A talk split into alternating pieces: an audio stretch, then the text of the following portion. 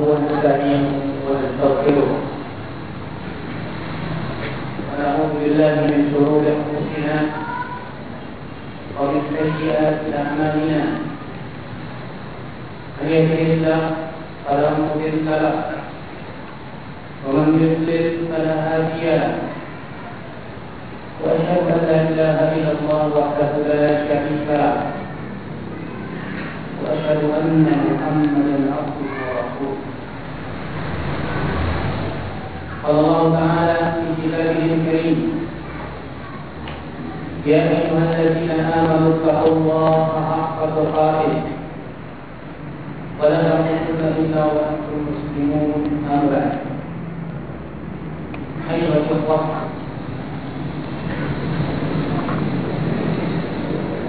الله رب العالمين. فهو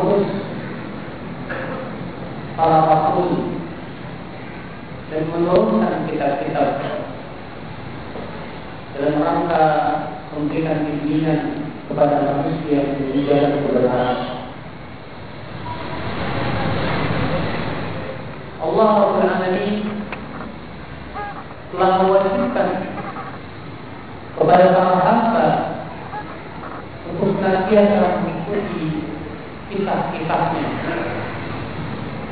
yang Allah Subhanahu wa taala turunkan di dalam Al-Qur'an dan sunnah Rasulullah sallallahu alaihi wasallam.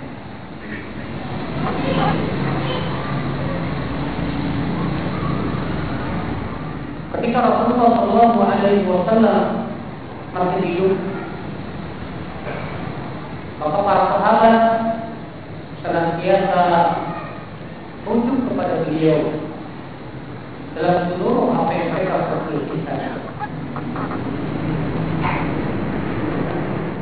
Maka dari itulah para sahabat senantiasa terbimbing, para sahabat senantiasa diberikan oleh Allah Subhanahu wa taala bimbingan kepada kebenaran. Kemudian setelah Rasulullah SAW meninggal dunia, para sahabat tetap tertinggal kepada sunnah Rasulullah dan mereka menyampaikan kepada generasi setelahnya yaitu generasi para tabi. Para nabi ini pun mengambil ilmu yang masih bersih dari para sahabat Rasulullah Sallallahu Alaihi Wasallam. Demikian dari generasi ke generasi dan Rasul kita Alaihissalam mengabarkan la tazalu qafilatun min ummati zahirina 'ala al-haqqi la yadurruhum man qadalahum wa la khalafahum ila an ya'ti amrullah.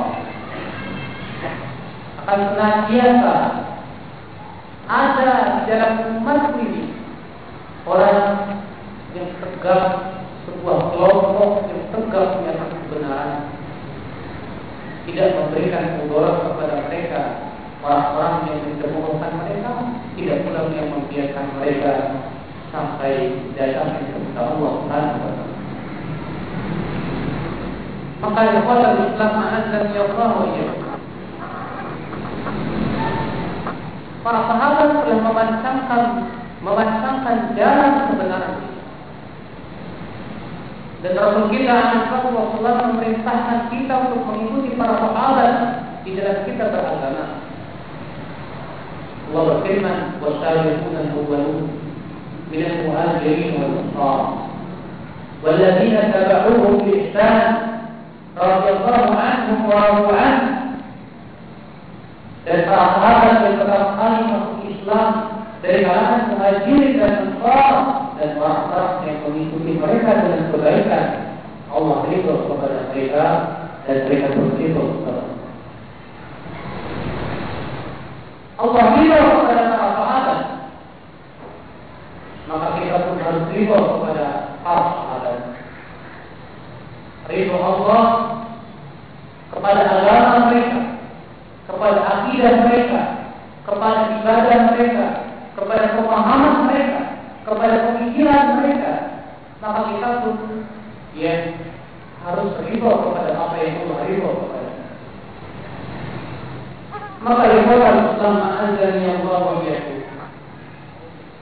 Ketika umat Islam berselisih, Rasulullah SAW telah mengabarkan akan senantiasa ada kelompok yang senantiasa berpegang kepada sunnah Rasulullah. Mereka itu disebut dengan ahli sunnah wal jamaah. Ahli sunnah wal jamaah artinya mereka yang senantiasa berpegang kepada sunnah Rasulullah Sallallahu Alaihi Wasallam di dalam akidah mereka, di dalam ibadah mereka, di dalam akhlak mereka, di dalam muamalah mereka, bahkan di dalam seluruh kehidupan dan sisi-sisi mereka senantiasa berpegang kepada sunnah Rasulullah Sallallahu Alaihi Wasallam. Mereka lah diyakini ahli sunnah Maka pada kesempatan siang hari ini kita akan membahas tentang enam pilar dari dakwah ahli sunnah wal jamaah. Dari situ kita mengetahui tentang hakikat daripada manhaj ahli sunnah wal jamaah. Saya bawakan dari kitab yang ditulis oleh seorang alim ulama yang tinggal di Madinah Munawwarah yang bernama Abdul Malik Syekh Abdul Malik bin Ahmad bin Al-Mubarak Ramadan Al-Jazairi. Dalam kitab beliau Madaratul Nazar Isyata Asyariyah. Enam pilar daripada manhaj al-sunnati wal jamaah. Pilar yang pertama adalah Syekh Abdul Malik yaitu al-ikhlas. Ikhlas. Karena sesungguhnya Nabi semua Nabi dan Rasul diutus oleh Allah dengan membawa kalimat ikhlas. La ilaha. Semua Nabi dan Rasul berdakwah kepada kalimat ikhlas. Allah berfirman dalam surat Al-A'raf, "Laqad arsalna Nuhan ila qaumi ya qaumi ibudullah ma lakum min ilahin ghairuh." Syukur kami telah utus yang Nuh kepada kaumnya. Maka Nuh berkata, wahai kaumku, sembahlah Allah saja. Beribadah kepada Allah saja. Tidak ada ilah yang berhak yang berhak disembah kecuali Allah. Allah berfirman, wa ila adin akhahum Huda qala qala ya qaumi ibudullaha ma lakum min ilahin. Dan kepada Ad Nabi mereka Hud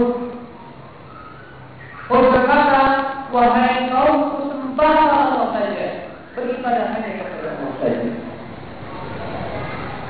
Demikian dari setiap Nabi, setiap Rasul Dan mereka pasti Sampai kepada Rasul kita yang mulia Al-Quran Semuanya menyerukan kepada kalimat Allah Allah berfirman Wa umiru illa ya'budullah Muqtasina din Udah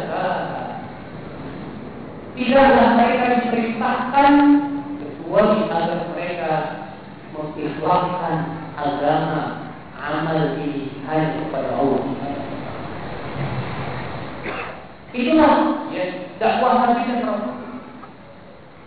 Makanya kalau kita perhatikan para nabi, para rasul semuanya berdakwah kepada la ilaha illallah memurnikan peribadahan hanya kepada Allah, mengeluarkan penyembahan dari penyembahan kepada penyembahan kepada Rabbul.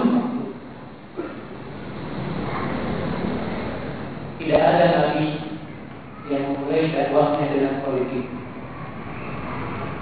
Tidak ada nabi yang memulai dakwahnya dengan ekonomi. Tidak ada nabi yang memulai dakwahnya dari akhlak tidak ada nabi yang memulai dakwahnya dari selain tauhid. Pertama kali mereka serukan adalah tauhidullah jalla wa ala. Mentauhidkan Allah, menjauhkan manusia dari kesyirikan, menegakkan billahi kalimatillah, menegakkan kalimat la ilaha illallah. Makanya Rasulullah Shallallahu Alaihi Wasallam yakni ketika mengutus Muaz ke apa yang beliau ucapkan kepada Muaz?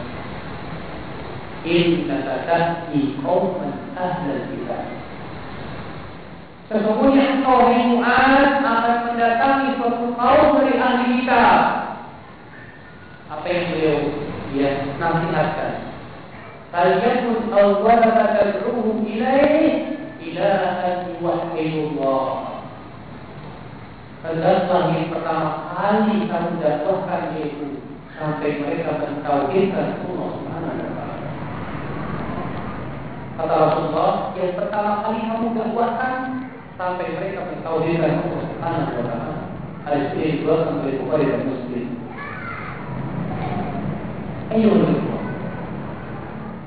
Maka al-ikhlas akan merupakan pilar utama dalam dakwah ahli sunnah wal jamaah.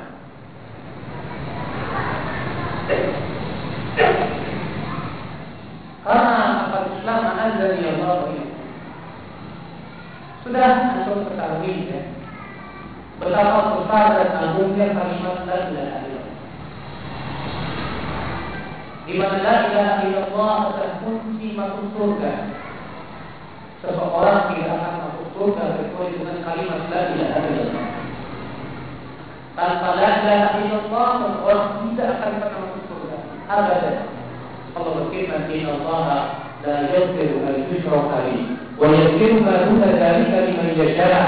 Sesungguhnya Allah tidak mengampuni dosa syirik dan mengampuni yang dari.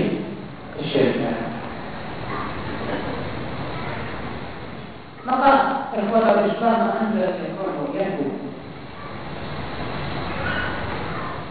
sebuah dakwah yang hak adalah dakwah yang mengikuti metode para nabi dan rasul yaitu memprioritas memprioritaskan la ilaha agar manusia mengenal siapa Rabbnya. Agar manusia senantiasa memberikan ibadah hanya kepada Rabbnya. Di dalam seluruh ibadah-ibadah. Siapa yang menyimpang dari manhaj ini pasti tidak akan mendapatkan kesuksesan dan kemenangan. Karena manhaj para ini akan berasal dari Allah Rabbul Alamin, manhaj yang telah digariskan oleh Allah Rabbul Alamin. Tidak boleh seorang untuk menyimpang daripada manhaj yang Allah ini. La ilaha illallah. Yang itu merupakan ya fondasi daripada pilar utama dakwah ahli sunnah wal jamaah.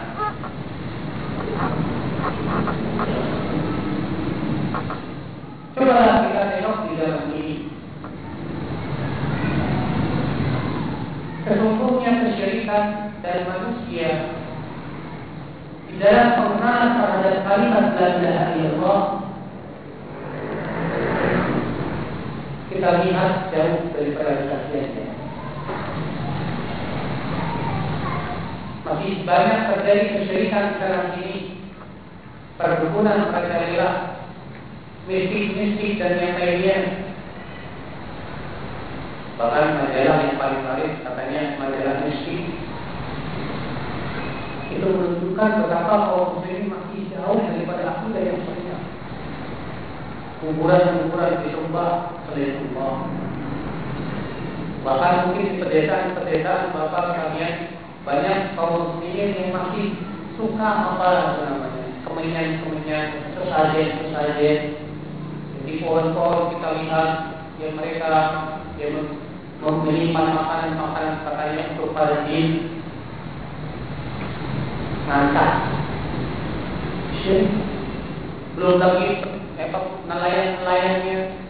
Mereka membuat acara ya di mana mereka menyembelih kerbau, kemudian kepalanya dibiarkan ke laut, katanya untuk apa? Dewa laut atau orang tidur atau yang lainnya. Belum lagi petaninya yang mereka itu mengadakan ritual-ritual katanya itu Dewi atau yang lainnya belum lagi pangkatnya kalau bikin dia bangun-bangunan atau rumah kalau bikin apa itu bendera apa itu katanya ya supaya enggak apa dibikin dalam bencana terkuala atau yang semua itu menyaksikan hati bahwa bangsa Indonesia ini masih rapuh akidahnya masih jauh dari akidah yang sahihah kesyirikan merajalela maka dari itulah kewajiban kita dalam berdakwah di sini kita untuk memahamkan tentang kalimat la. Makanya orang-orang musyrikin menolak untuk mengucapkan la ilaha illallah. Mereka berkata, "Aja'al al-alihata ilahan wahida." Inna hadza la syai'un mujab. Apakah Muhammad hendak menjadikan Tuhan yang banyak itu jadi satu? Sungguh ini hal yang sekali kata mereka. Orang-orang musyrikin Quraisy tidak mau mengucapkan la ilaha illallah karena mereka paham tentang apa yang diinginkan oleh ilaha. Tapi banyak kaum muslim mengucapkan la ilaha illallah namun mereka melakukan hal-hal yang bisa jadi itu termasuk perbuatan la ilaha illallah berupa kesyirikan kesyirikan mempersekutukan Allah Rabbul Alamin. Maka akal Islam Kewajiban kita untuk menyelamatkan umat Islam dari berbagai macam bentuk kesyirikan. Di zaman ini semakin bertambah dan menjadi-jadi. Ada lagi batu menari yang katanya batu itu bisa memberikan kesembuhan dan yang lainnya. Ada lagi kalung-kalung dan yang gelang-gelang tembaga yang katanya bisa mengimbangkan energi yang hakikatnya itu adalah yang wakil baik dari perdukunan. Banyak sekali sehingga yang Alhamdulillah yang mistik-mistik itu sekarang dijadikan seakan-akan ilmiah. Supaya apa orang menerima dengan alasan-alasan ilmiah. Katanya dalam tubuh manusia itu ada ya yang dari yang dari panas dan dingin. Maka kebal ini katanya bisa saya sebabkan antara dari panas dan dingin itu apa bedanya dengan para dukun yang pakai kris-kris jimat yang katanya di sini dan dan yang lain luar biasa. Akibat manusia kurang paham daripada kalimat la ilaha illallah. Belum lagi jimat-jimat raja-raja dan yang lainnya yang disimpan di sabuk-sabuk atau yang lainnya katanya supaya apa menolak bencana, bala dan yang lainnya untuk ya kebal Allah kesyirikan merajalela Allah belum lagi orang minta-minta ke kuburan untuk didatang dinaikkan katanya pangkatnya, kedudukannya supaya dibanyakan harta dan rezekinya dan yang lainnya. Allahu musta'an wa alaihi maka dari itu kekuatan Islam kewajiban kita yang yakin merupakan kila dakwah salafiyah dakwah ahli sunnah wal jamaah bahwasanya kita berusaha mendakwahkan kaum muslimin kepada makna hakikat la ilaha illallah. Itulah kalimat ikhlas. Ini arti pilar yang pertama. Pilar yang kedua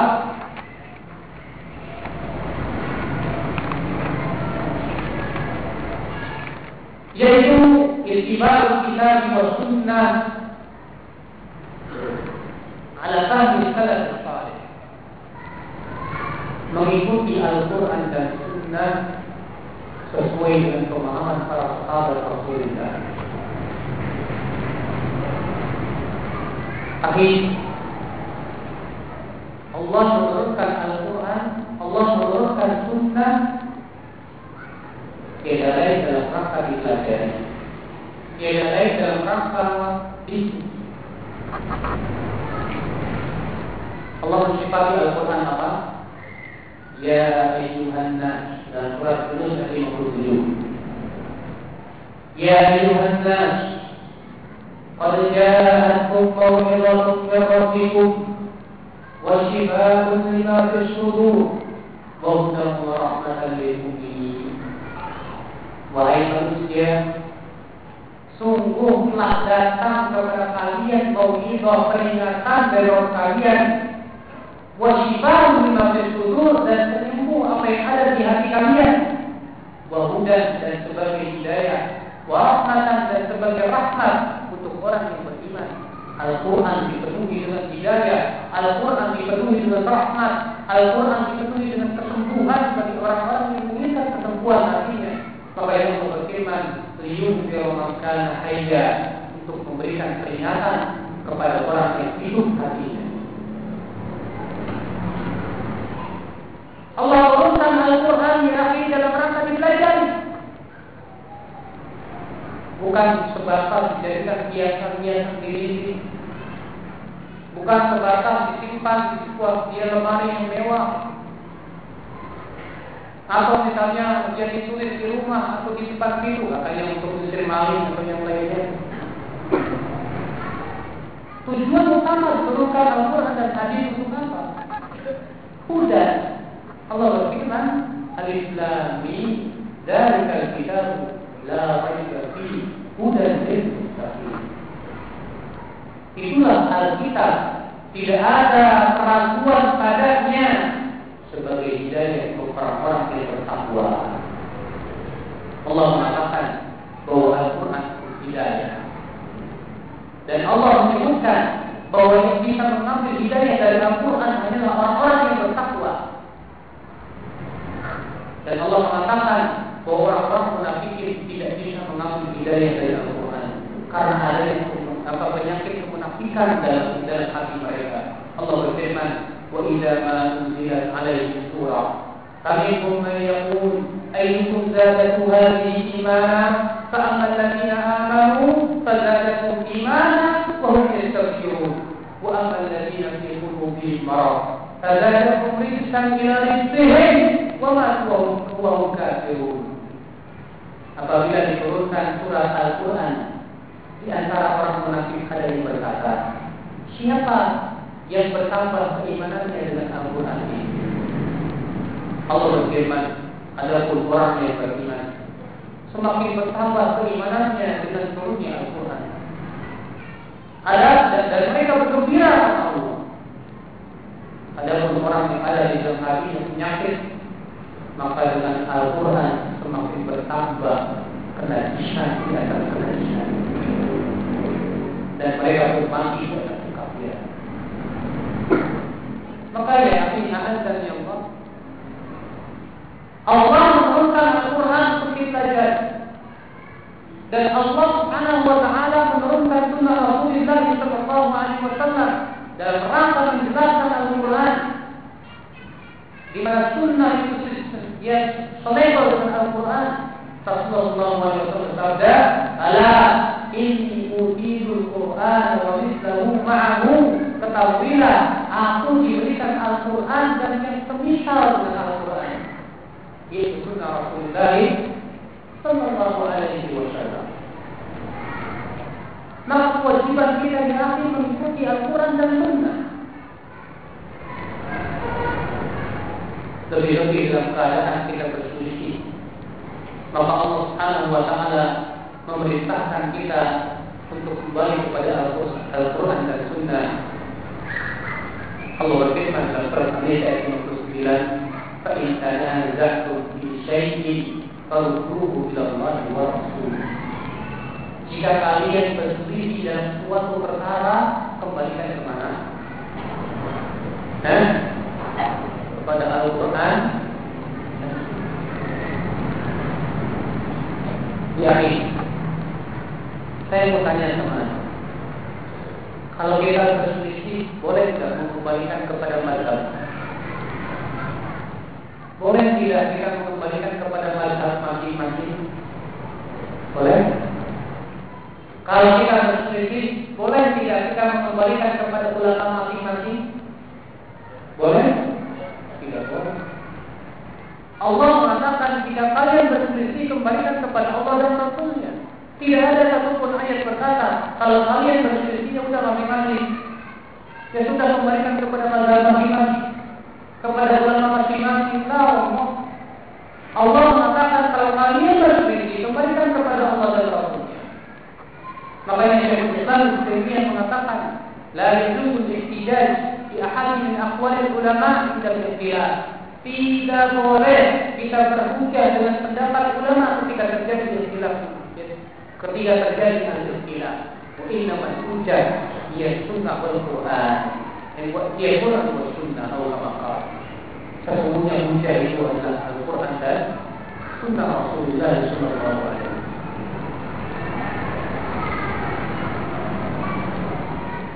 Maka ikhwatul Islam ada dan Allah Kembali kepada Al-Quran dan Sunnah adalah merupakan kewajiban kita. Dan saya yakin semua umat Islam tertuju yang kewajiban kita adalah kembali kepada Al-Quran dan Sunnah Rasulullah Sallallahu Alaihi Wasallam. Namun yang menjadi pertanyaan, mengapa banyak orang yang berhujjah dengan Al-Quran atau dengan Sunnah ternyata pemahamannya aneh dan menyimpang. Lihat orang-orang liberal misalnya. Tahu orang liberal?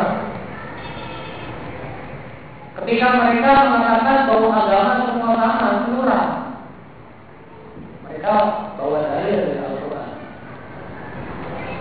Katanya Allah berfirman, "Inna alladziina aamanu wa 'amilus shalihat, inna alladziina aamanu wal ladziina hadu والنصارى والصالحين من آمن بالله واليوم الآخر وعمل صالحا فله أجرهم عند ربهم ولا خوف عليهم ولا هم Sesungguhnya orang yang beriman, Yahudi, Nasrani, Mu'minin, yang ingin beriman kepada Allah dan hari akhirat surga. Jadi kata Mas Ibrahim, ayat ini tegas mendukung plural semua agama sama karena Allah mengatakan orang beriman Yahudi, Nasrani, Taubiin, siapa yang beriman kepada Allah dan hari akhirat? Orang Yahudi beriman kepada Allah dan hari akhirat. Orang Nasrani beriman kepada Allah dan hari akhirat. Maka mereka surga. Cuma tata cara ibadahnya saja tapi yang berbeda-beda. Apakah Al-Quran yang salah? Atau pemahaman mereka yang salah? Hah? Pemahaman mereka yang salah. Lasak tidak ragu lagi yakni pemahaman mereka yang salah. Al-Quran benar, hak. Tapi ingat, kalau dipahami dengan pemahaman yang tidak benar, atau Al-Quran disesuaikan dengan hawa nafsu dan syahwat, selera, pasti akan menghasilkan pemahaman yang tidak benar. Ayat tidak mendukung kepada surah. Karena Allah tegas dalam ayat yang lain mengkafirkan orang Yahudi dan Nasrani. Dan Rasul bersabda la yahmu bi wa yahudi wa la nasraniyun thumma lam yu'min bima jitu bi illa Tidaklah orang Yahudi, orang Nasrani mendengar tentangku, kemudian dia tidak mau mengikuti ajaranku, kecuali dia pasti masuk ke dalam api neraka. Lalu mengapa mereka sampai terjadi kesalahan dalam memahaminya? Jawabnya satu, awal nafsu. Jangankan itu ya Rasulullah Shallallahu Alaihi Wasallam dalam hadis-hadis yang sahih ketika mensifati orang-orang Quraisy apa kata Rasulullah? Yaqra'un al-Qur'an wa la yujawizuna tarafihim. Mereka membaca Quran, menghafal Quran, tapi tidak sampai ke kerongkongan. Apa maknanya tidak sampai ke kerongkongan? Para ulama, tidak memahaminya dengan pemahaman yang sahih. Tidak memahaminya dengan pemahaman yang benar. Mereka baca Quran bahkan rata-rata orang-orang tua di waktu itu hafal Quran. Tapi Rasulullah mengatakan, walaupun mereka hafal Quran, tidak sampai ke kerongkongan. Maka Rasulullah mensifati mereka apa? Yang berhubungan dengan Islam, Kama yaitu Islam min Mereka keluar dari Islam seperti burukan pak eh, panah yang keluar dari buruan.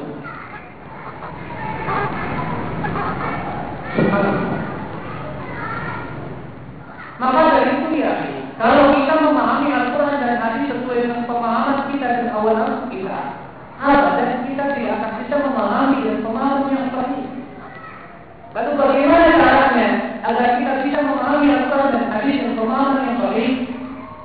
Tentu ya, buat Islam wa kita berusaha untuk mengembalikan sebuah generasi yang paling paham tentang terhadap Al-Quran dan hadis.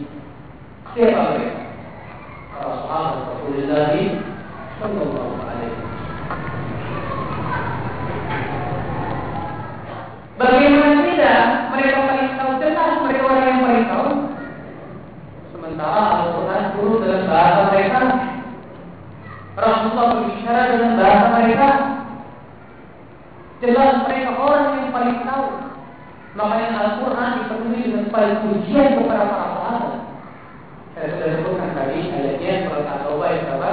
Ayat 100. Allah mengatakan والسابقون الأولون من المهاجرين والأنصار dan orang-orang yang pertama kali masuk Islam dari kalangan muhajirin dan ansar dan orang-orang yang mengikuti mereka Allah ridho kepada mereka mereka ridho kepada Allah Allah ridho kepada mereka maksudnya Hah?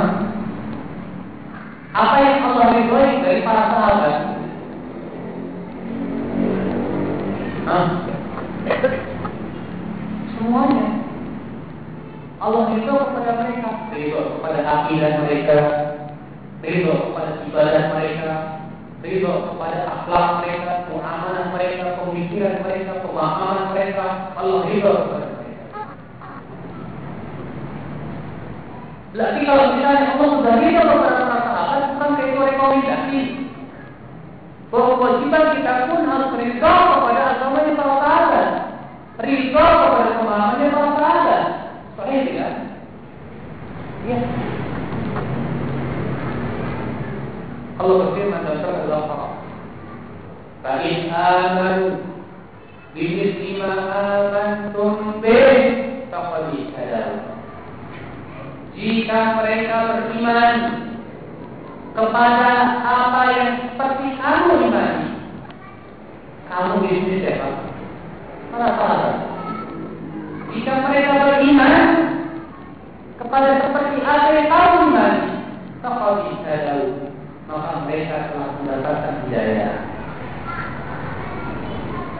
Siapa saja yang beriman seperti keimanan para sahabat, seperti apa yang diimani oleh para sahabat, mereka akan mendapatkan hidayah dari Allah.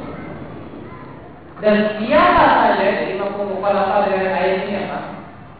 Siapa yang tidak mau beriman seperti apa yang diimani oleh para sahabat, mereka tidak akan mendapatkan hidayah. Tidak. Maka kepada Islam azza wa jalla Rasulullah SAW sendiri memerintahkan kita untuk kembali kepada pemahaman para sahabat. Banyak hadis-hadis yang menunjukkan seperti ini. Di antara hadis yang dikeluarkan Abu Dawud, Tirmidzi, Nasai dan yang lainnya dan Tirmidzi berkata hadis akan sahih dari hadis Al-Jabal bin Sariyah. Rasulullah SAW berkata apa? فإنه من يعش منكم فسيرى اختلافا كثيرا فعليكم بسنتي وسنة الخلفاء الراشدين المهديين من بعدي عضوا عليها بالنواجذ وإياكم ومحدثات الأمور فإن كل بدعة ضلالة Sesungguhnya orang yang hidup nanti setelah kata Rasulullah akan melihat perselisihan yang banyak Apakah Rasulullah dia tidak memberikan solusi? Memberikan solusi? Apa kata Rasulullah? Maka hendaklah kalian berpegang kepada sunnah dan sunnah ulama ar-rasyidin. Ikut hijrah dan jauhi oleh kalian setiap yang diada-adakan karena setiap bid'ah itu sesat. Lihat saja. Ya Rasulullah SAW memerintahkan kita kepada sunnah ulama ini.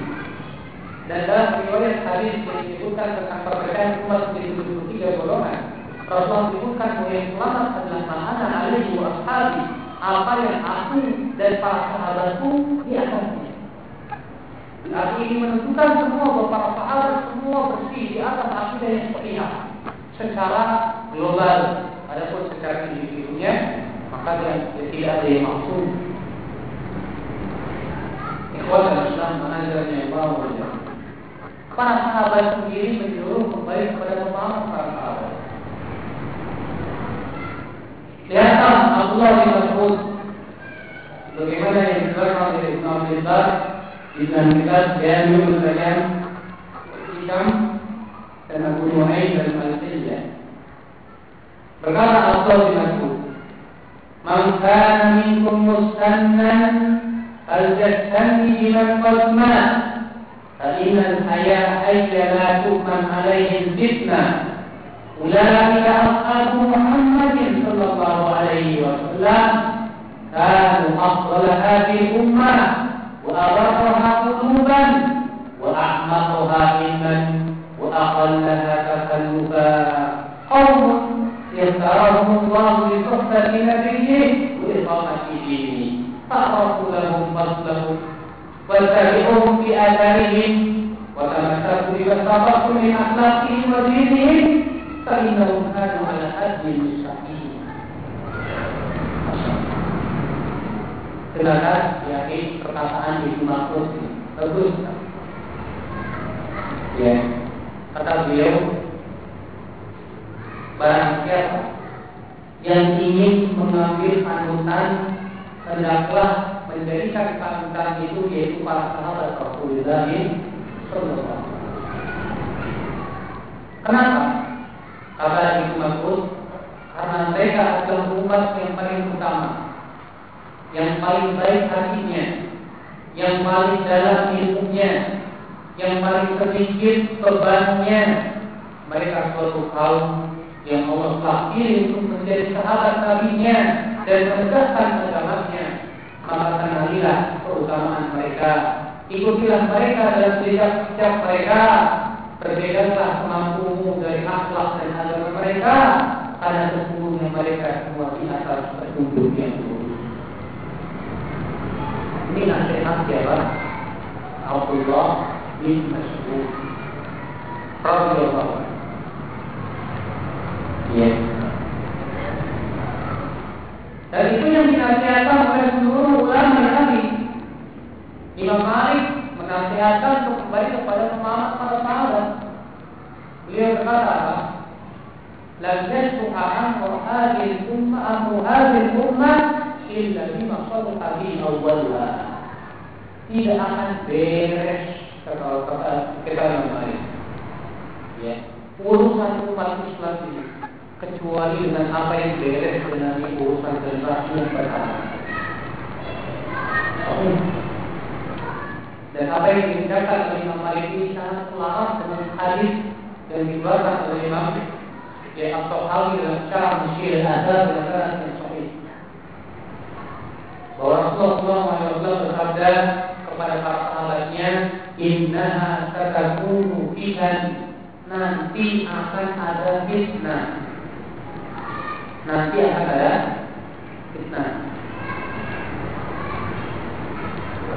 Ya, tapi ternyata para sahabat tidak ada yang benar mereka ngobrol. Kemudian kata Mu'ad bin Jabal, Allah tak tahu atau kalian tidak dengar? Kata sahabat, Mada kan? Apa yang dikatakan Rasulullah? Kata Mu'ad, Inna nasabakun fitnah nanti akan ada fitnah. Nanti akan ada fitnah. Kemudian para sahabat bertanya kepada Rasulullah, sampai sampai bagi ya Rasulullah, sama dan nasnam ya Rasulullah. Lalu bagaimana dengan kami wahai Rasulullah? Apa yang harus kami lakukan wahai Rasulullah? Dengarkan jawabannya. Bagus. Kata Rasulullah, tarji'una ila amrikumul awwal hendaklah kalian kembali kepada perkara urusan kalian yang pertama. Urusan yang pertama siapa? Atau Rasulullah Subhanallah, ikhwan Islam, azan ya Allah.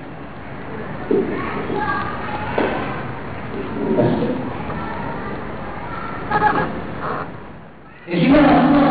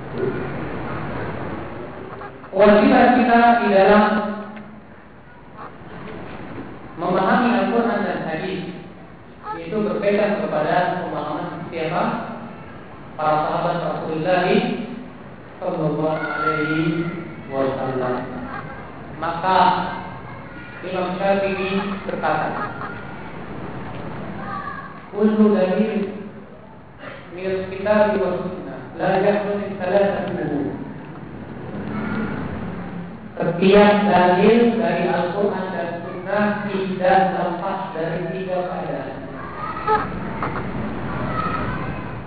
Keadaan yang pertama,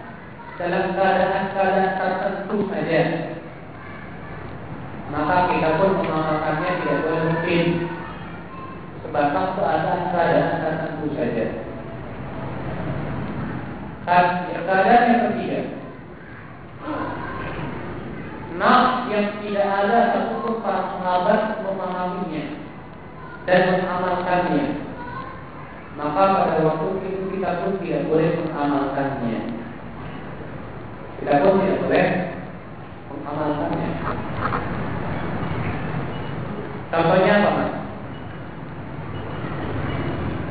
Yang sering kali atau rutinitas para sahabat mengamalkannya contohnya apa? Banyak dari-dari tentang sholat, zakat, puasa, haji Bahkan kebanyakan nas itu dari ciri-ciri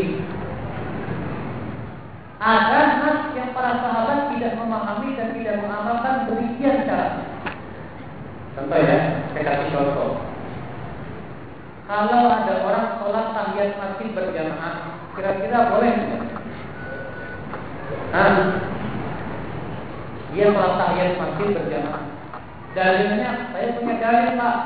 Apa dalilnya? Ya. Yaitu hadis Sholat berjamaah afdal sholat salatul di bi ini 20 Sholat berjamaah lebih baik daripada sholat sendirian 27 kali lipat. Kata Rasulullah sholat berjamaah. Nah, kita sholat apa saja seperti jamaah lebih utama daripada sholat sendirian 27 kali lipat. Nah sekarang saya mau sholat tayyat masjid secara berjamaah boleh? Hah? Jawab boleh nggak pak? Kenapa nggak boleh?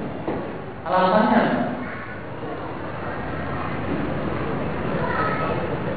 Hah?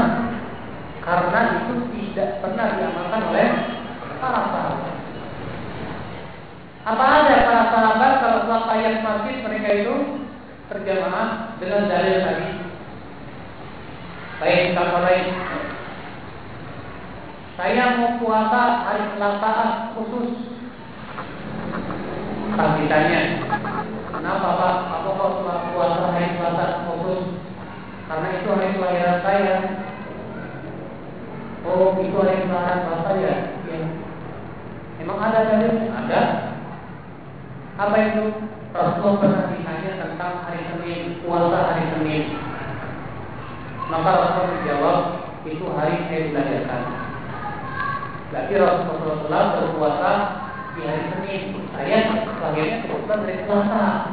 Jadi saya puasa hari Selasa, boleh nggak? Benar nggak pemahaman? Ada, karena tidak ada sahabat yang tidak ada pemahaman satupun yang memahami seperti ini. Ada apa? Ada para sahabat yang memiliki pemahaman seperti ini? Ada? Tidak ada. Makanya yang orang kalau ternyata sebatas bawa dalil, memang kalau kita perhatikan kayaknya benar begitu. Kayaknya benar soalnya keumuman hadis itu kayaknya mendukung. Apalagi tadi sholat berjamaah lebih baik daripada sholat sendirian 27 kali lipat. Kan sholat berjamaah berarti sholat apa saja dong, termasuk sholat ayat. Tapi masalahnya adalah ada nggak para sahabat Rasul dan para sahabatnya mengamalkan seperti itu. Makanya dalil yang umum nih Abi harus dilihat bagaimana praktek dari para sahabat Rasulullah Sallallahu Alaihi Wasallam. Ya. Nah seperti ini harus kita pahami. Ada tidak para sahabat yang punya keyakinan Apa ya pemahaman? Makanya tidak setiap dalil yang umum boleh dijadikan dalil. Kalau ternyata para sahabat tidak ada yang mengamalkannya. Kalau ternyata para sahabat tidak ada yang mengamalkannya. Dan ini bukan cuma masalah ibadah yang nanti masalah akidah. Siapa saja berakidah yang tidak sesuai dengan akidah para sahabat, maka dia telah ya menyimpang dari jalan kebenaran. Walaupun dia berdalil dengan ayat Al-Quran, walaupun dia berdalil dengan hadis Nabi Shallallahu Alaihi Wasallam. Contoh misalnya pemahaman Mu'tazilah yang mengatakan katanya Al-Quran makhluk bukan ya kalam Allah. Al-Quran makhluk. Ketika ditanya apa dari kamu yang Mu'tazilah yang mengumumkan bahwa saya Al-Quran makhluk, oh dia punya dalil. Apa tuh? Hadis. Ya, Rasulullah bersabda, "Iqra'ul Qur'an fa innahu ya'ti yawmal qiyamah kafi'an bi ashabi." Bacalah Al-Qur'an karena sesungguhnya Al-Qur'an akan datang pada hari kiamat memberikan syafaat kepada pembacanya. Tuhan Rasulullah mengatakan bacalah Quran. Al-Quran bakalan datang memberikan syafaat, menunjukkan Al-Quran makhluk. Kita jawab dengan pemahaman para sahabat. Kita katakan tidak ada satupun sahabat yang mempunyai pemahaman seperti ini. Makanya ketika terjadi dialog, ya, antara seorang ulama al-sunnah dengan sekolah Mu'tazilah Ibnu Abi Du'ad di hadapan Khalifah Al-Waqid Billah. Waktu itu dia memang dari kesilapahan Mu'makmun, kemudian Mu'tasim, kemudian Al-Waqid, semua ya raja-raja tiga raja ini mewajibkan rakyatnya mengatakan Al-Quran itu makhluk. Akhirnya di zaman Khalifah Al-Waqid Billah dipanggillah sekolah al-sunnah wal jamaah dalam keadaan terbelenggu. Ya, kata Al-Wahid jadi kepada intolan lagi namanya Ibnu Abi Duhan. Ayo dialog dengan dia. Kata ulama ahli ini, ya Amirul Mukminin, ya wahai Amirul Mukminin, lepaskan dulu belenggu saya ini. Baru saya bisa biar kamu dia. Akhirnya dilepas dia belenggunya. Kemudian, ya Al-Wahid kita berkata lagi kepada Abi Duhan. Jadi, ya, tidak. Lalu ulama Al-Sunnah wal Jamaah berkata, wahai Amirul Mukminin, biarkan saya yang pertama kali ber bertanya. Ya tolong, saya yang pertama kali bertanya kepada orang ini, siapa Ibnu Abi Duhan Ampolan Mutazila. Silakan, kata Amirul Mukminin. Kemudian ulama Al-Sunnah ini bertanya kepada dia, Hai Ibnu Abi Duhan, yang kamu yakin dan kamu dakwahkan bahwa Al-Quran itu makhluk. Apakah ini diketahui oleh hukum bakar? Diketahui tidak? Kata Ibn Abi Tuhar, tidak. Oleh Umar? Tidak. Oleh Uthman? Tidak. Oleh Ali? Tidak. Masya Allah. Yang mereka tidak ketahui kalau ketahui. Siapa kamu? Akhirnya kata Ibu Ibn Abi Fuad, kamu ulangi pertanyaannya. Hanya lagi. Apakah yang kamu yakini ini dan kamu serukan ini sesuatu yang dia diketahui oleh Abu Bakar? Kata Ibn Abi Fuad, iya. Tidak lagi jawabannya.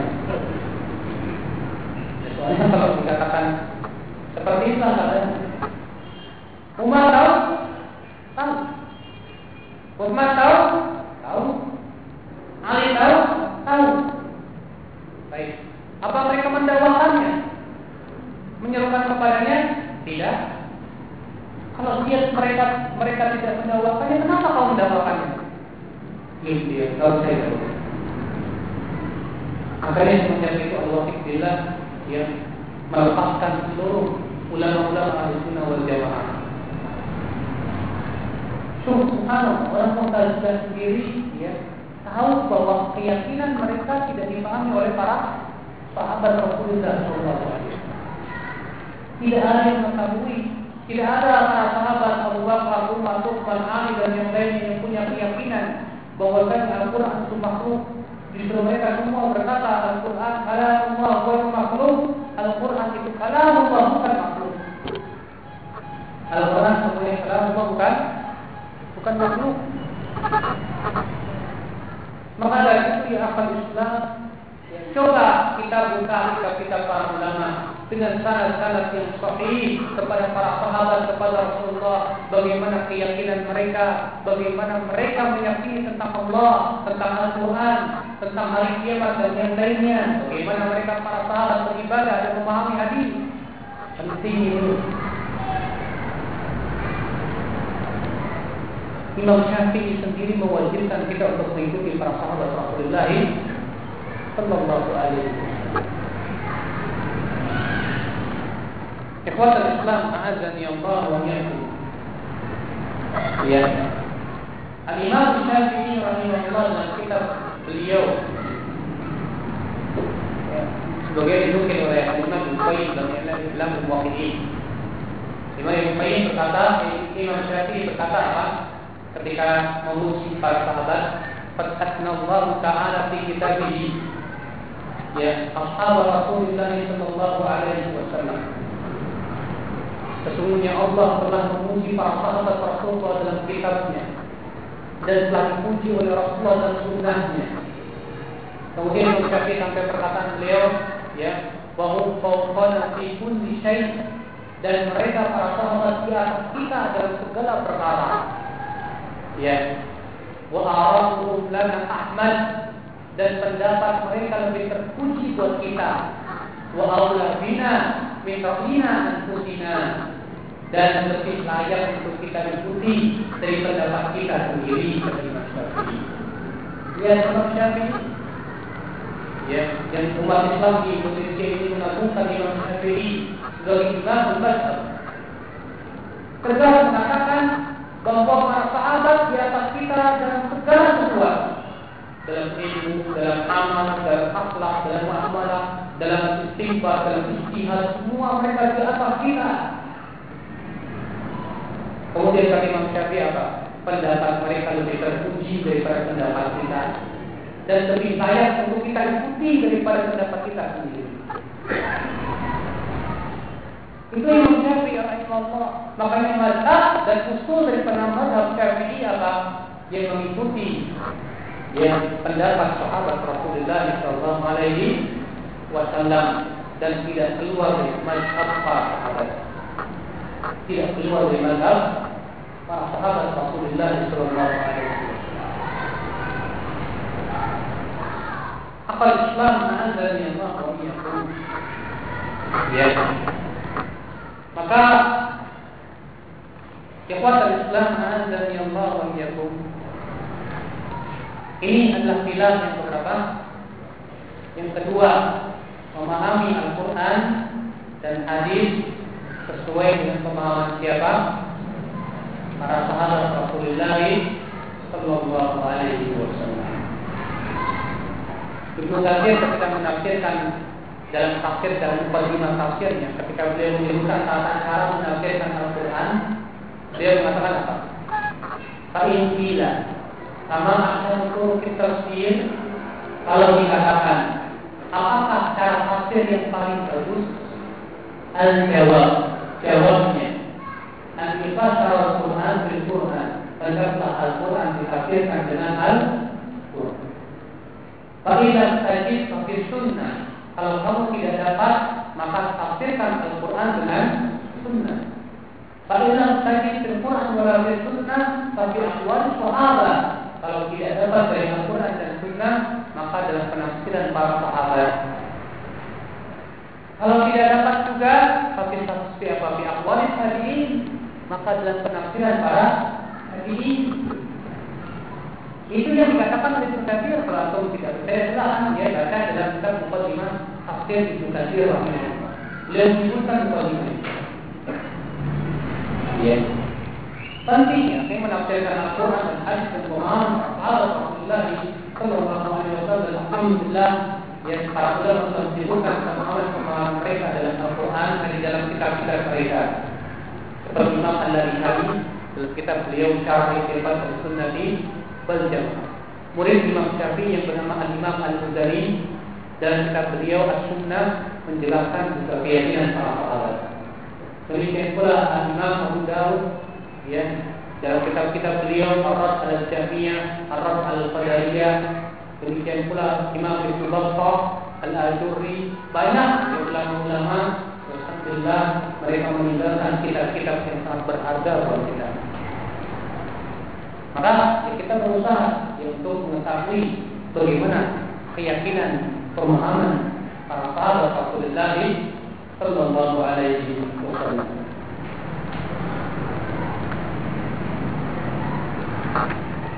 Baik lagi pokok yang ketiga, pilar yang ketiga.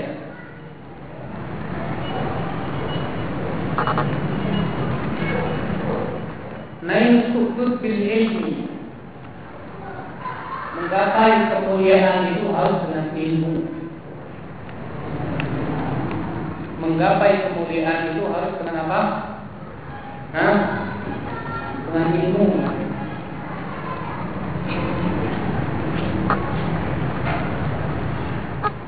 Ketahuilah ayo ikhwah. Ilmu yang dimaksud yaitu Al-Quran dan Sunnah.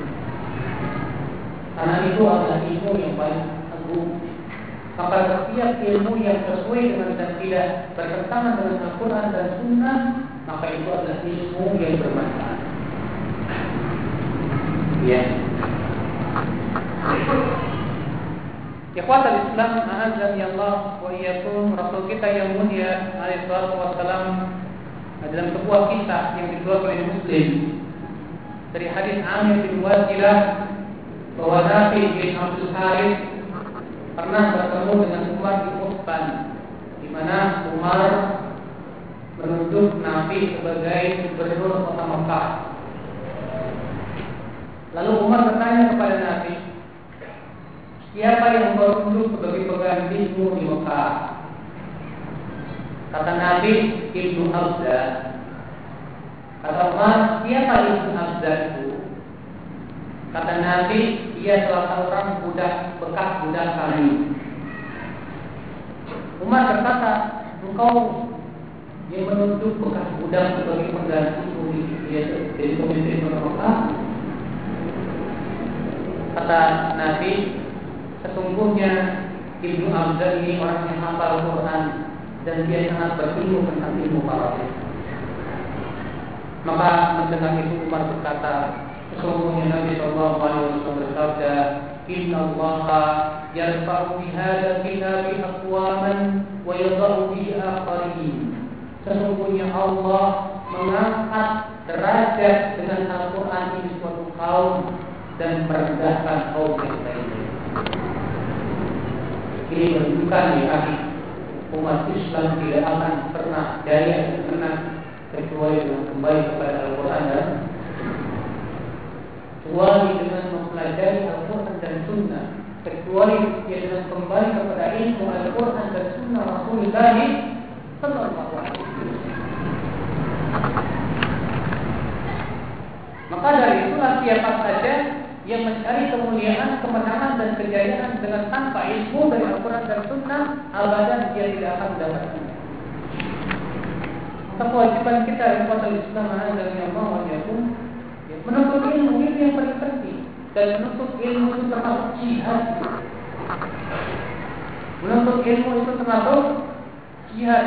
Kata Abu Darda, siapa yang mengatakan menuntut ilmu tidak termasuk jihad, tapi aku bisa.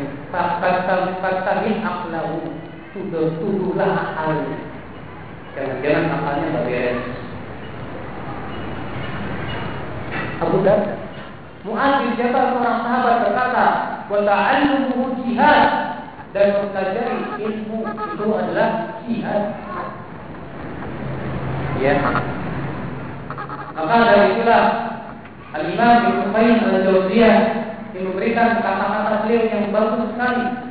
Dia kata beliau, al-jihad fil hujjah wal burhan muqaddam min al-jihad bi sayfi was sinan. Jihad dengan hujah dan keterangan lebih didahulukan daripada jihad dengan pedang dan panah. Jihad dengan hujah dan keterangan lebih didahulukan daripada jihad dengan pedang dan panah. Sahih. Ya. Dan bagaimana kita akan menjihadi musuh dengan pedang dan panah kalau kita tidak menjihadi diri kita sendiri? dengan ilmu dan petunjuk dari Allah Rabbul Alamin. Bahkan untuk menilai sesuatu kesucian atau tidak butuh kepada ilmu dan Al-Quran dan Sunnah Rasulullah Sallallahu Alaihi Wasallam. Segala sesuatu butuh ilmunya ya. Ya. Maka ikhwan Islam Azza Allah wa yakum ini adalah pilar yang ketiga ya bahwa mencari kemuliaan, mencari ya kesuksesan, kemenangan dan kejayaan adalah harus dengan ilmu. Harus dengan ilmu. Pernah suatu ketika Syekh Albani rahimahullah berdialog dengan pemberontak atau seorang dari Al-Jazair ketika itu terjadi pemberontakan di Al-Jazair. Ya. Waktu itu Syekh Albani rahimahullah berdialog dengan dia.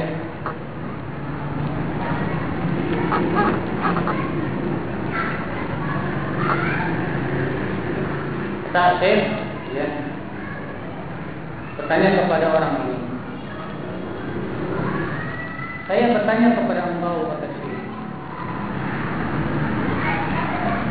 Ya, saya mendengar al-masalah fil haqiqah muhimmah jiddan. Ana sami'tu an al-jabra al-nahdah fiha malayin alaysa sahihan ada aku mendengar bahwa kelompok kalian banyak tangan benar itu Betul. Kata si pemuda ini benar. Kalau sih, kamu anfihim kelompok kamu itu yang memberontak di Aljazair yang jumlahnya sampai jutaan. Berapa ulama yang ada pada mereka? Karena mereka kan mengklaim Inggris menegakkan daulah negeri Aljazair yang waktu itu yang mereka ikut pemilu menang telak. Yang ikut pemilu menang telak sampai dapat suara 85 persen menang tapi kemudian dari oleh pemerintah digagalkan. Akhirnya yang terjadi mereka pun kemudian sebagian memberontak. Ya. Nah, ada seorang pemuda datang Syekh Al-Albani rahimahullah. Bertanya kepada pemuda ini. Ya. Jumlah kalian yang banyak sampai itu. Berapa banyak ulama yang ada mereka? Berapa ribu? seribu, dua ribu ulama kamu kata pemuda itu? Nggak sampai seribu. Baik berapa, berapa ratus ulama tidak sampai seratus. Ya baik. Kalau begitu siapa yang memimpin mereka? Ya sebagian orang-orang yang dianggap syekh. Ya apakah mereka semua bisa mengajarkan jutaan orang tersebut Tentu tidak. Apa mereka mampu untuk yang mengajarkan ilmu-ilmu yang sahih yang jutaan tersebut? Tentu tidak. Ya, kata Syekh, "Idan antum ta'ishuna fil awham." Kalau begitu kamu hidup ya di dalam waham dan khayalan. Ya, kalau di zaman sahabat ulamanya Abdul Abdul di zaman tabiin, tabiut tabiin ulamanya banyak kita hidup di Indonesia ini banyak ya, para aktivis dan orang-orang yang semangat untuk memperjuangkan Islam masih hilang apa iman. Masih banyak orang yang tidak memahami tentang kalimat la ilaha illallah apa yang dimaksud dengan la ilaha Masih banyak orang yang tidak mengetahui ya tentang banyak ilmu-ilmu daripada ilmu syariat ini. Makanya ilmu dulu, ilmu dulu. Ya. Ikhwatul Islam azza Allah wa maka inilah kewajiban kita yang ketiga yaitu bahwa meraih kemuliaan itu harus dengan ilmu dan kita harus terus menuntut ilmu Allah sampai kita yang kewajiban kita yaitu mengamalkan ilmu yang Allah berikan kepada kita. Pilar yang keempat Imamul aman min al-kufri wal jazimah bi kitab wa sunnah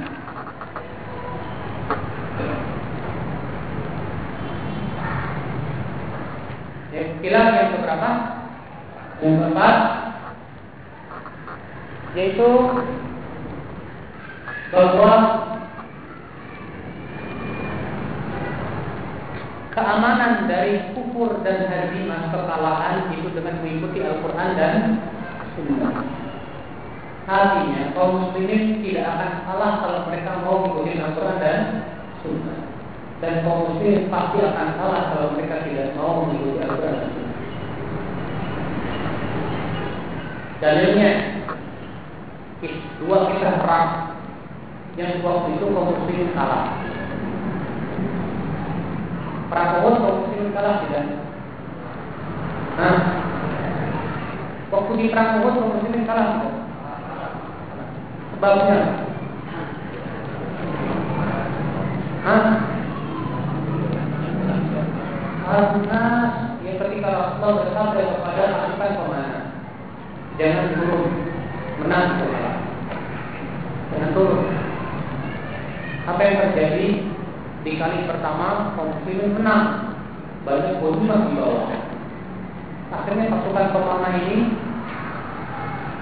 Melihat gonimah yang begitu banyak Turun. Apa yang terjadi? Bin Walid melihat wah ini kesempatan baik mutar ya bokong dari belakang dari dari arah dulu itu banyak muslimin yang meninggal biasanya hamzah ya. Dan salah waktu itu muslim. Maka Allah balikan kekalahan ini dalam Al-Quran dan Al-Quran Allah berfirman, "Awalam asabatkum musibah قد أصابكم مثلها قلتم أن هذا قل هو من عند أنفسكم Apakah tak salah kalian ditimpa musibah? Apakah tak salah kalian ditimpa musibah? Yaitu telah kalah perang. Sementara kalian mendapatkan kemenangan dua kali lipat di perang Badar. Kalian pun berkata, bagaimana akan kalah? Atau mungkin bertanya, bagaimana kami akan kalah? Maka Allah berfirman, didengarkan di jawaban Allah. Qul huwa min Katakan di Muhammad, kekalahan itu berasal dari kamu sendiri. Allah tidak mengatakan kekalahan itu berasal dari musuh yang kuat, tidak. Allah mengatakan kekalahan itu berasal dari mana? Kamu sendiri telah biasa memaksiati Allah. Ini kejadian yang pertama. Kejadian yang kedua di Hunain. Waktu perang Uhud, pasukan kaum muslimin dengan pasukan orang Quraisy mana yang lebih banyak? Quraisy 3000 berarti eh, 3000 dilakukan melawan satu ke 1000 tiga banding satu di perang Hunain kebalikan. Kaum muslimin jumlahnya 12 ribu. Dan ya pasukan orang-orang kafir jumlahnya 4 ribu atau 3 ribu. Kemudian apa yang terjadi? Di awal perang kaum muslimin kalah. Kalah sampai naik bukan kabar maka Allah menurunkan dalam kitab dan Al-Quran mengabadikan kisah mereka apa kisahnya Allah berfirman Laqad nasarakum Allah fi mawatin katsiratin wa yawma. Sungguh kata Allah. Allah sesungguhnya kami telah menolong aku di tempat yang banyak dan di waktu perang Hunain. Dan di waktu di perang Hunain, ingatlah ketika kalian merasa bangga dengan jumlah yang banyak dan jumlah yang banyak itu tidak bermanfaat sekalipun buat kalian. Maka bumi yang luas menjadi sempit buat kalian dan kalian pun lari ulang dan berdagang. Gara-gara kaum muslimin kalah di perang Hunain gara-gara merasa bangga dengan jumlah yang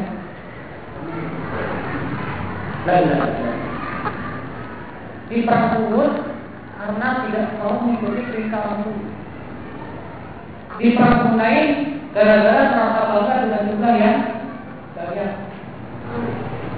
Gimana jadinya dalam umat Islam zaman sekarang yang suka jimat, yang suka rukun, yang masya Allah berbagai macam maksiat dilakukan oleh kaum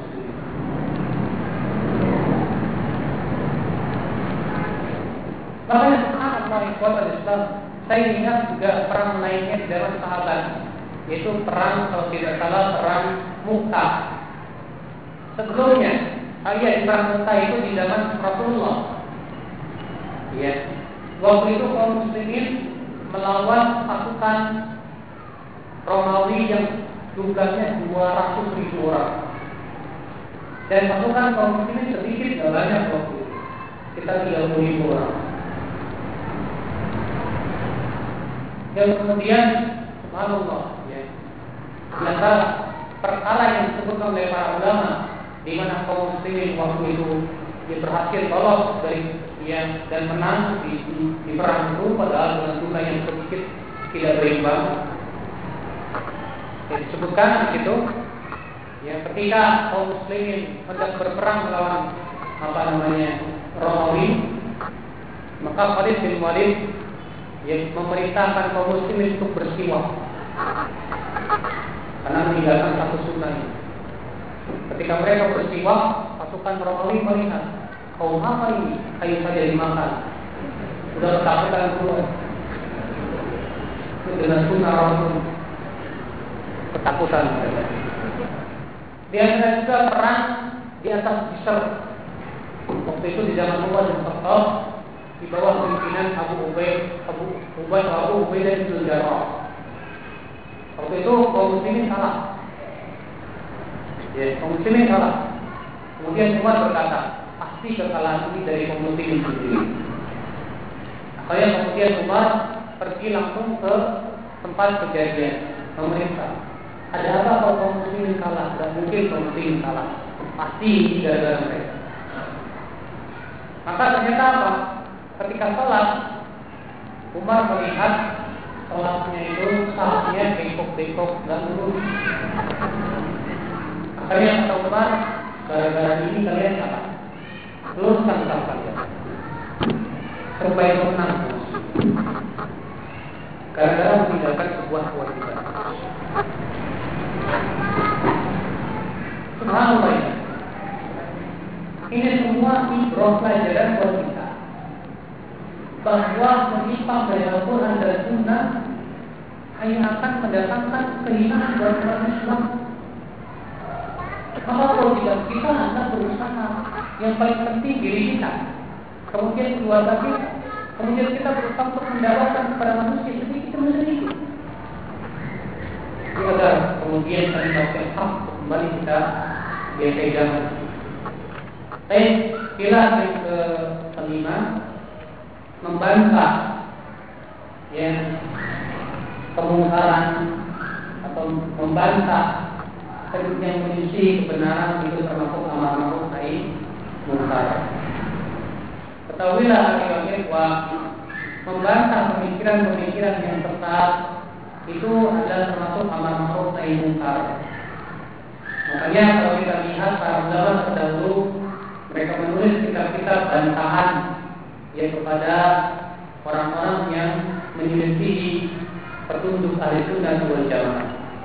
Seperti yang Al Imam Ad-Darimi menulis sebuah buku yang berjudul Ras Uthman bin Sa'id Ad-Darimi ala Bishr al-Maris bantahan Uthman bin Sa'id Ad-Darimi terhadap Bishr al-Marisi di mana Bishr al-Marisi ini mempunyai keyakinan yang sangat menyesatkan baru Demikian pula Abu Dawud menulis kitab Arad al-Qadariyah Warad al-Jahmiyah ya, Rad bantahan antara Qadariyah, Jahmiyah dan yang lain.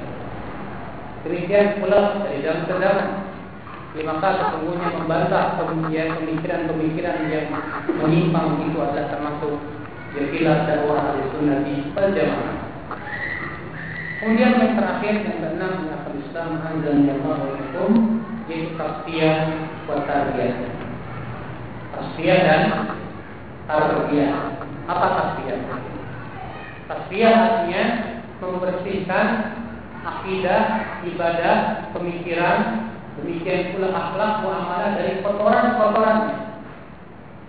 Tarbiyah artinya mentarbiyah membina umat Islam di atas akidah yang sahih. Ini dua manhaj yang agung yang ditunjukkan oleh Al-Quran dan Hadis. Di mana Al-Quran dipenuhi dengan manhaj tarbiyah membersihkan akidah dari kotoran, membersihkan dia muamalah, akhlak, ibadah dari berbagai macam hal-hal yang mengotorinya. Maka dari itu dibuat Islam tarbiyah, kemudian tarbiyah. Tarbiyah tanpa tarbiyah pincang. Tarbiyah tanpa tarbiyah pun pincang. Maka kedua-duanya harus digabung. Pertama tarbiyah, yaitu membersihkan berbagai macam akidah dari kesyirikan, dari pemikiran yang menyimpang, khurafat, bid'ah dan yang lain. Demikian pula membersihkan ibadah dari berbagai macam penyimpangannya. Maka pada waktu itu ini disebut dengan tasbiyah. Setelah tasbiyah baru tarbiyah. Apa itu mendidik manusia di atas akidah yang sahih. Inilah sifat Islam pilar daripada ahli sunnah wal jamaah yang disebutkan oleh Syekh Abdul Malik ya Ramadhani ya. Dan masih banyak lagi perkara-perkara yang lain. Kalau kita berbicara tentang ahli sunnah wal jamaah mungkin butuh kepada pembicaraan yang panjang sekali tentang hakikat daripada ahli sunnah wal jamaah. Ini yang bisa saya sampaikan ya apa yang benar dari Allah dan apa yang saya yang tahu dari saya dan dari syaitan ya dan kita membuka pertanyaan yang akan saya jawab sesuai dengan kemampuan saya.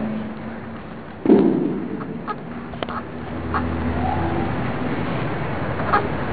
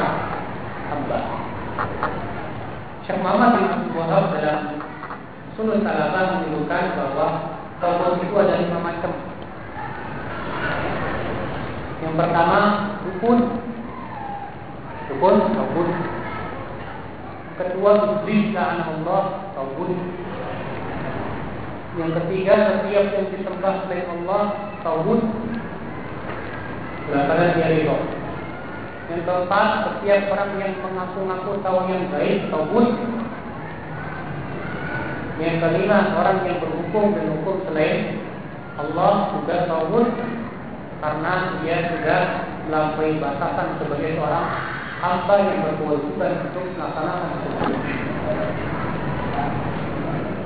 ataupun ya. Maka kewajiban kita hanya menyembah Allah dan jauhi tagut ya menjauhi tagut dan pembahasan masalah tagut ini sudah dibahas dibahas oleh para ulama secara panjang.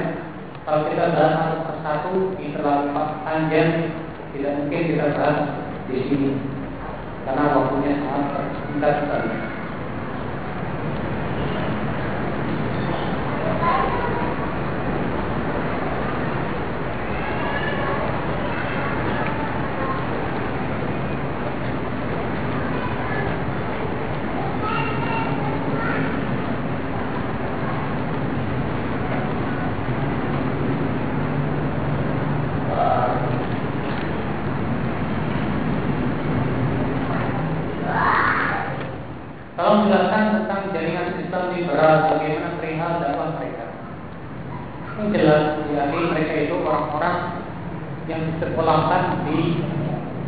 negara-negara kafir di Amerika.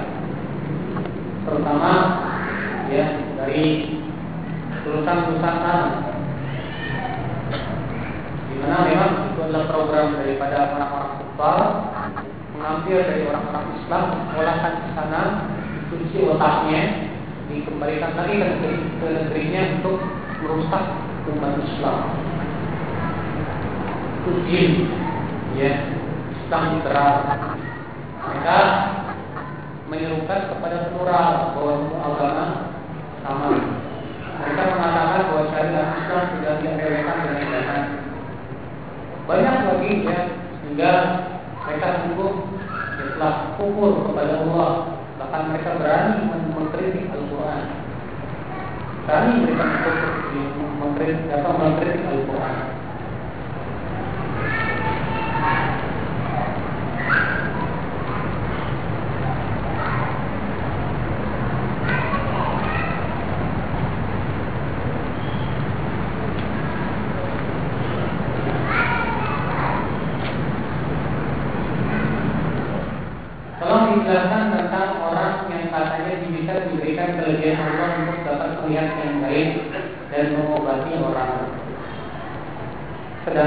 Takdir hanya dari Allah. Nah,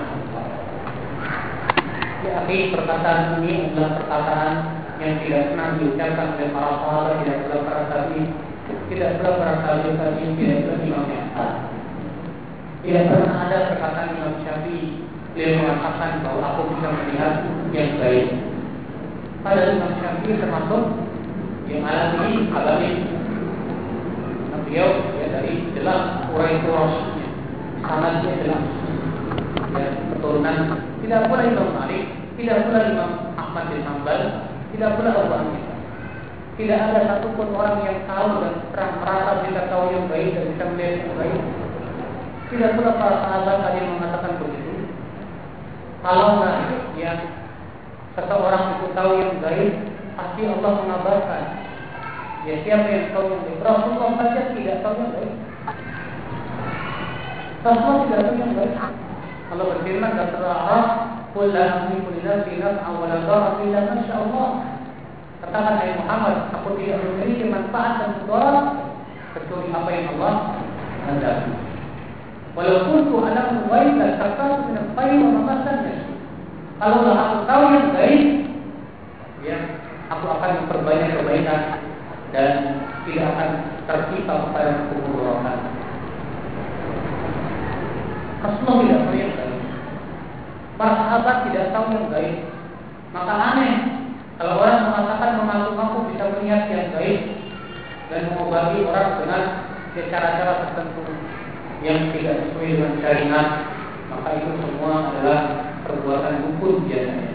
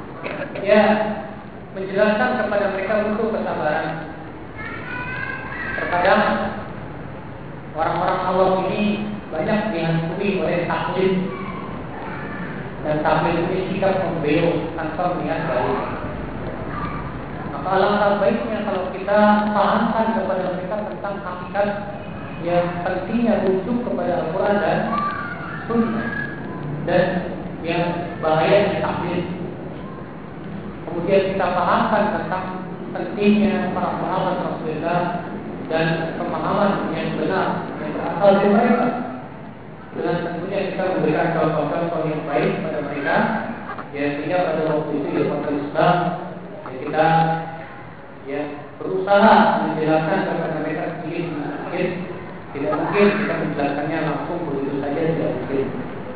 Makanya kewajiban dia untuk ilmu dulu ya menuntut ilmu terus sampai dia betul-betul memahami tentang hakikat daripada pemahaman manhaj yang hakiki.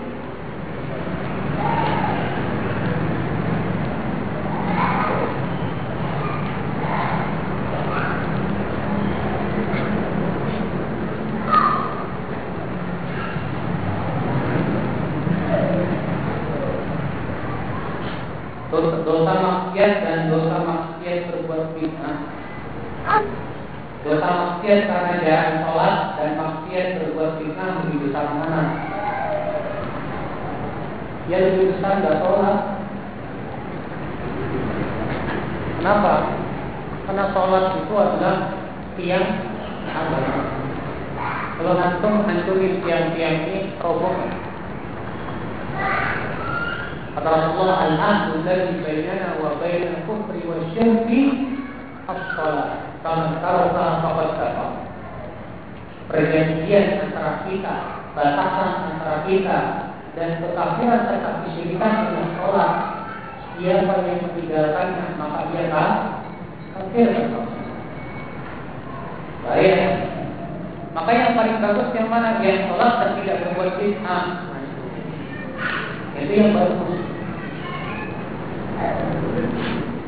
Jika kita harus mengikuti pemahaman para sahabat, bukankah di antara para sahabat juga ada yang berselisih? Perselisihan sahabat bukan perselisihan akidah. Perselisihan sahabat bukan perselisihan pemahaman dan manhaj. Perselisihan sahabat waktu itu sebatas perselisihan dalam berijtihad. Dan beristihad. Akidahnya tetap sama, ibadahnya dan yang lainnya. Ya. Makanya, kemudian yang kedua, perselisihan yang terjadi di zaman sahabat dalam masalah-masalah ilmu itu masalah yang sifatnya salib boleh yang tidak ada nafsunya. Karena terkadang ada sahabat yang sampai kepadanya hadis, tapi sahabat lain tidak sampai kepadanya hadis. Pernah Ibnu Abbas mengatakan bahwa nikah mut'ah boleh. Ketika disampaikan kepada Ibnu Abbas bahwa nikah mut'ah itu sudah diharamkan oleh Allah, Ibnu Abbas langsung itu kembali kepada kebenaran. Ya. Banyak para sahabat, karena tidak semua sahabat yang mulai zaman terus menerus dengan Rasulullah, tidak semuanya. Maka dari itu dibuat Islam dan yang Allah Ya, perselisihan para sahabat itu dalam masalah perselisihan yang ya lumrah dalam artian ya dalam istihad bukan dalam sesuatu yang sifatnya pasti atau usulti pokok-pokok agama bukan ya itu perselisihan para sahabat Rasulullah Alaihi dan yang kedua yang ketiga perselisihan yang terjadi di dalam sahabat lebih sedikit dibandingkan di zaman tabi'in. Dan di zaman tabi'in lebih sedikit dibandingkan dengan zaman tabi'un tabi'in. Di zaman tabi'ut tabi'in itu sedikit perselisihannya dibanding zaman setelahnya. Semakin jauh dari zaman kenabian semakin banyak perselisihan. Makanya perselisihan sahabat baik kebanyakan masalah-masalah fikih. Masalah kita tidak ada perselisihan. Ya, tidak ada. Kecuali dengan beberapa perkara yang itu sifatnya istihadi. Seperti apakah Rasulullah melihat Allah ketika diperlihatkan atau tidak. Timbangan itu banyak atau satu. Tidak di hari akhirat. Adapun masalah timbangannya dan bahwasannya ya Allah terlihat nanti pada hari kiamat itu semua dengan kesepakatan para sahabat itu hadis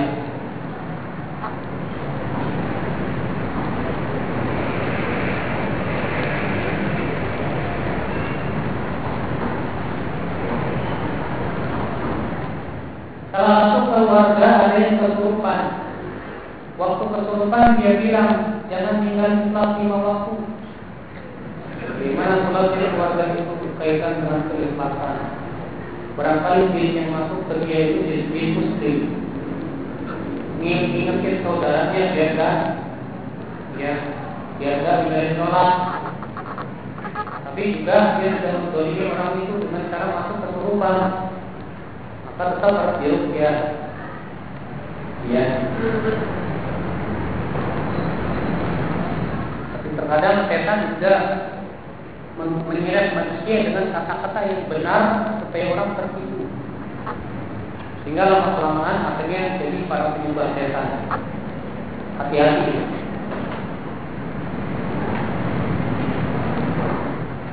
Ada subhat katanya ngikutin Al-Quran dan Sunnah itu berat Alasannya saat hidup bukan di zaman kenabian.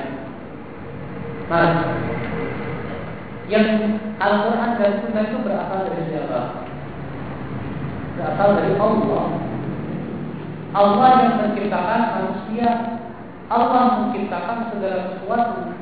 Dan Allah maha tahu apa yang akan terjadi di masa depan. Maka Allah menurunkan Al-Quran dan Sunnah senantiasa cocok di setiap zaman dan tempat. Di mana saja, kapan saja, Al-Quran dan Hadis selalu cocok. Jangan kemudian ya Quran dan hadisnya dicocok-cocokin dengan di zaman sekarang. Memang kita jauh zaman kenabian, tapi ingat Allah Maha tahu apa yang akan terjadi. Allah tahu nggak kalau akan terjadi dengan zaman seperti ini? Tahu? Tahu. Karena Allah tahu bahwa maka bukan nasiya, maka hukum dalam Al-Quran dan Sunnah senantiasa cocok dengan kita. Makanya kalau beli helm itu jangan dia kepalanya yang menyesuaikan helm ya. Kalau beli helm itu sesuaikan helm dengan kepala kita. Jangan Al-Quran disesuaikan dengan hadis istiadat dan keadaan kita. Tapi zaman kita yang harus kita ikutkan berusaha dengan Al-Quran dan dan Sunnah Rasul. Iya. Makanya kalau ada orang berkata, wah berat di zaman sekarang ini kalau ikutin Al-Quran dan Sunnah. Beratnya di mana? Kalau dalam masalah ibadah-ibadah kepada Allah tidak ada yang berat. Sholat lima waktu, puasa Ramadan, zakat atau berat? Tidak ada yang berat. Menutup aurat, jilbab dan yang lainnya apa berat? Tidak berat.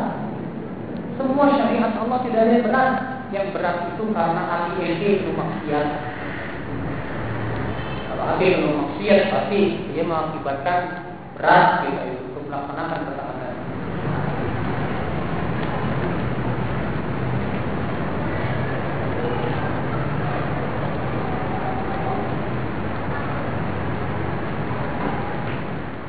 Kenapa dalam sejarah Islam setiap khalifah wafat langsung digantikan khalifah selanjutnya. Sementara sekarang kita tidak memilikinya Di mana dalam Islam kedudukan tertinggi menegakkan kepemimpinan. Betul, menegakkan pemimpin yang muslim, yang syar'i. Itu adalah wajib Tapi kewajiban itu disesuaikan dengan kemampuan yang ada. Jadi di dalam manhaj berdakwah kita harus mulai dari yang paling penting dulu. Baru yang penting penting. Iman kepada Allah dan Rasulnya lebih penting tauhidullah itu paling penting. Makanya para nabi dan rasul memulai dakwah kepada yang paling penting dulu, yaitu tauhid, tauhidullah, iman kepada Allah dan Rasulnya. Yang untuk senantiasa mentauhidkan Allah dan menjauhkan kesyirikan. Ya.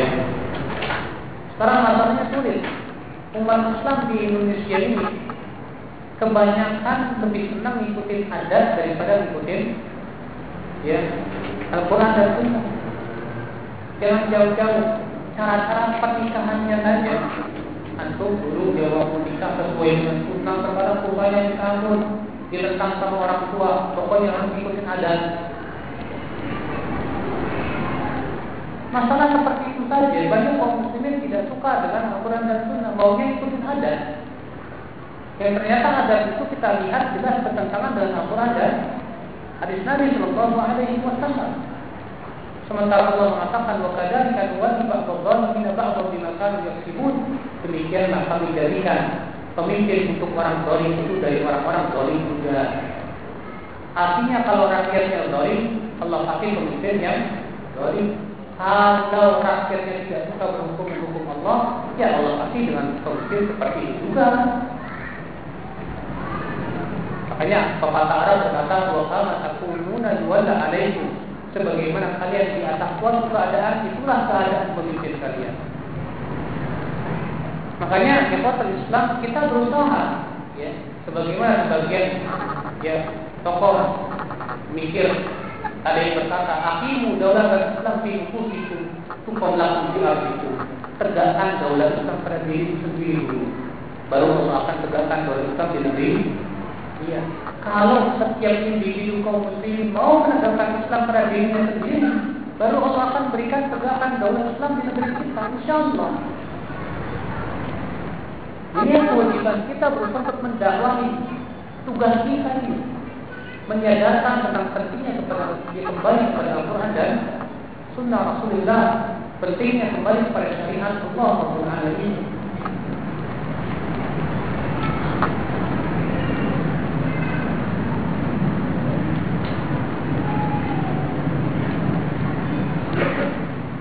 Ustaz di Indonesia mengaku mengikut akidahnya mazhab Imam Syafi'i. Enggak, di Indonesia ini ikutnya sebatas fikih saja. Ya. Sampaikan kitab yang beliau rahimahullah kepada yang mengaku bermazhab Syafi'i seperti Al-Mu, Al-Salah dan lain-lain. Kalau sampai mengapabai pemahaman yang berbeda dari kita. Di akhir, ya, Al-Imam Syafi'i Imam Al-Sunnah wal Jamaah. Keyakinan beliau sama persis dengan keyakinan para sahabat. Tidak keluar dari keyakinan para sahabat. Makanya Ya Akidah Imam Syafi'i Dengan akidah Al-Ash'ari berbeda. Akidah Imam Syafi'i dengan akidah Al-Asy'ari berbeda. Bedanya di mana? Kalau Al-Asy'ari menetapkan sifat hanya 20. Sedangkan Imam Syafi'i menetapkan seluruh sifat yang ditetapkan oleh Al-Quran dan Sunnah. Banyak perbedaan. Makanya kalau antum telusuri baca contohnya oleh antum sebuah buku yang berjudul manhaj Imam Syafi'i dalam menetapkan akidah bagus sekali. Ya, bagaimana Imam Syafi'i dalam menetapkan akidah? Kita dapatkan ternyata kita lihat pertentangan dengan akidah Asy'ariyah yang banyak kaum muslimin di meyakininya.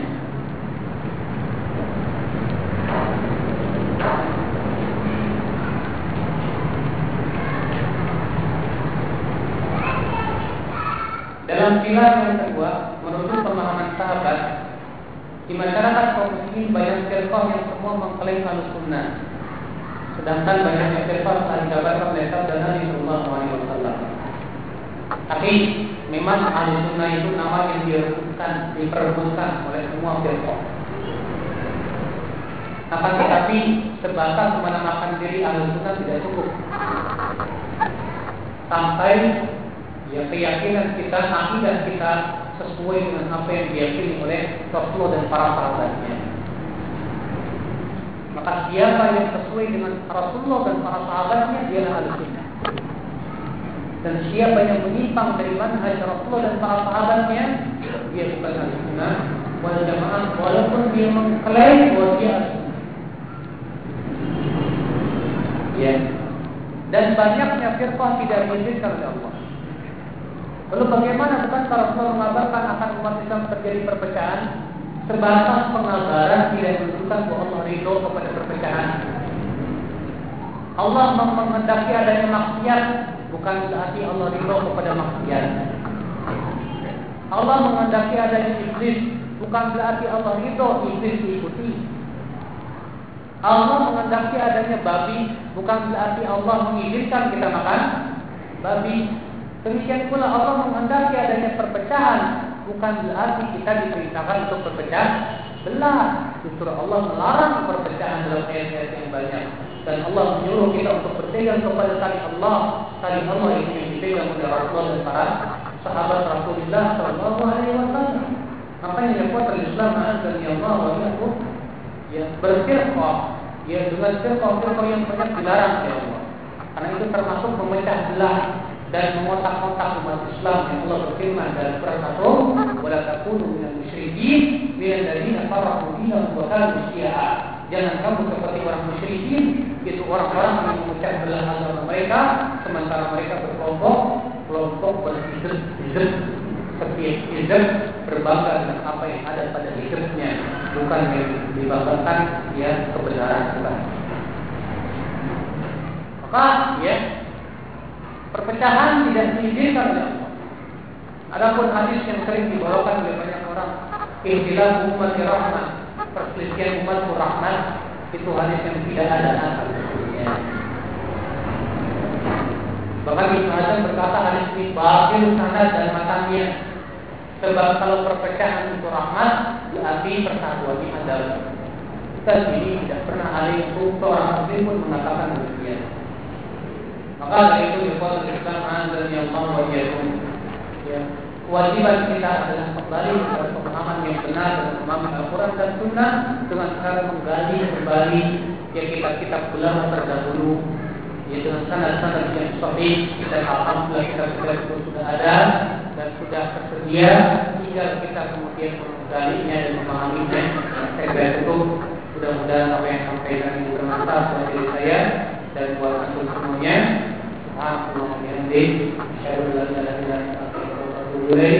Assalamualaikum warahmatullahi wabarakatuh.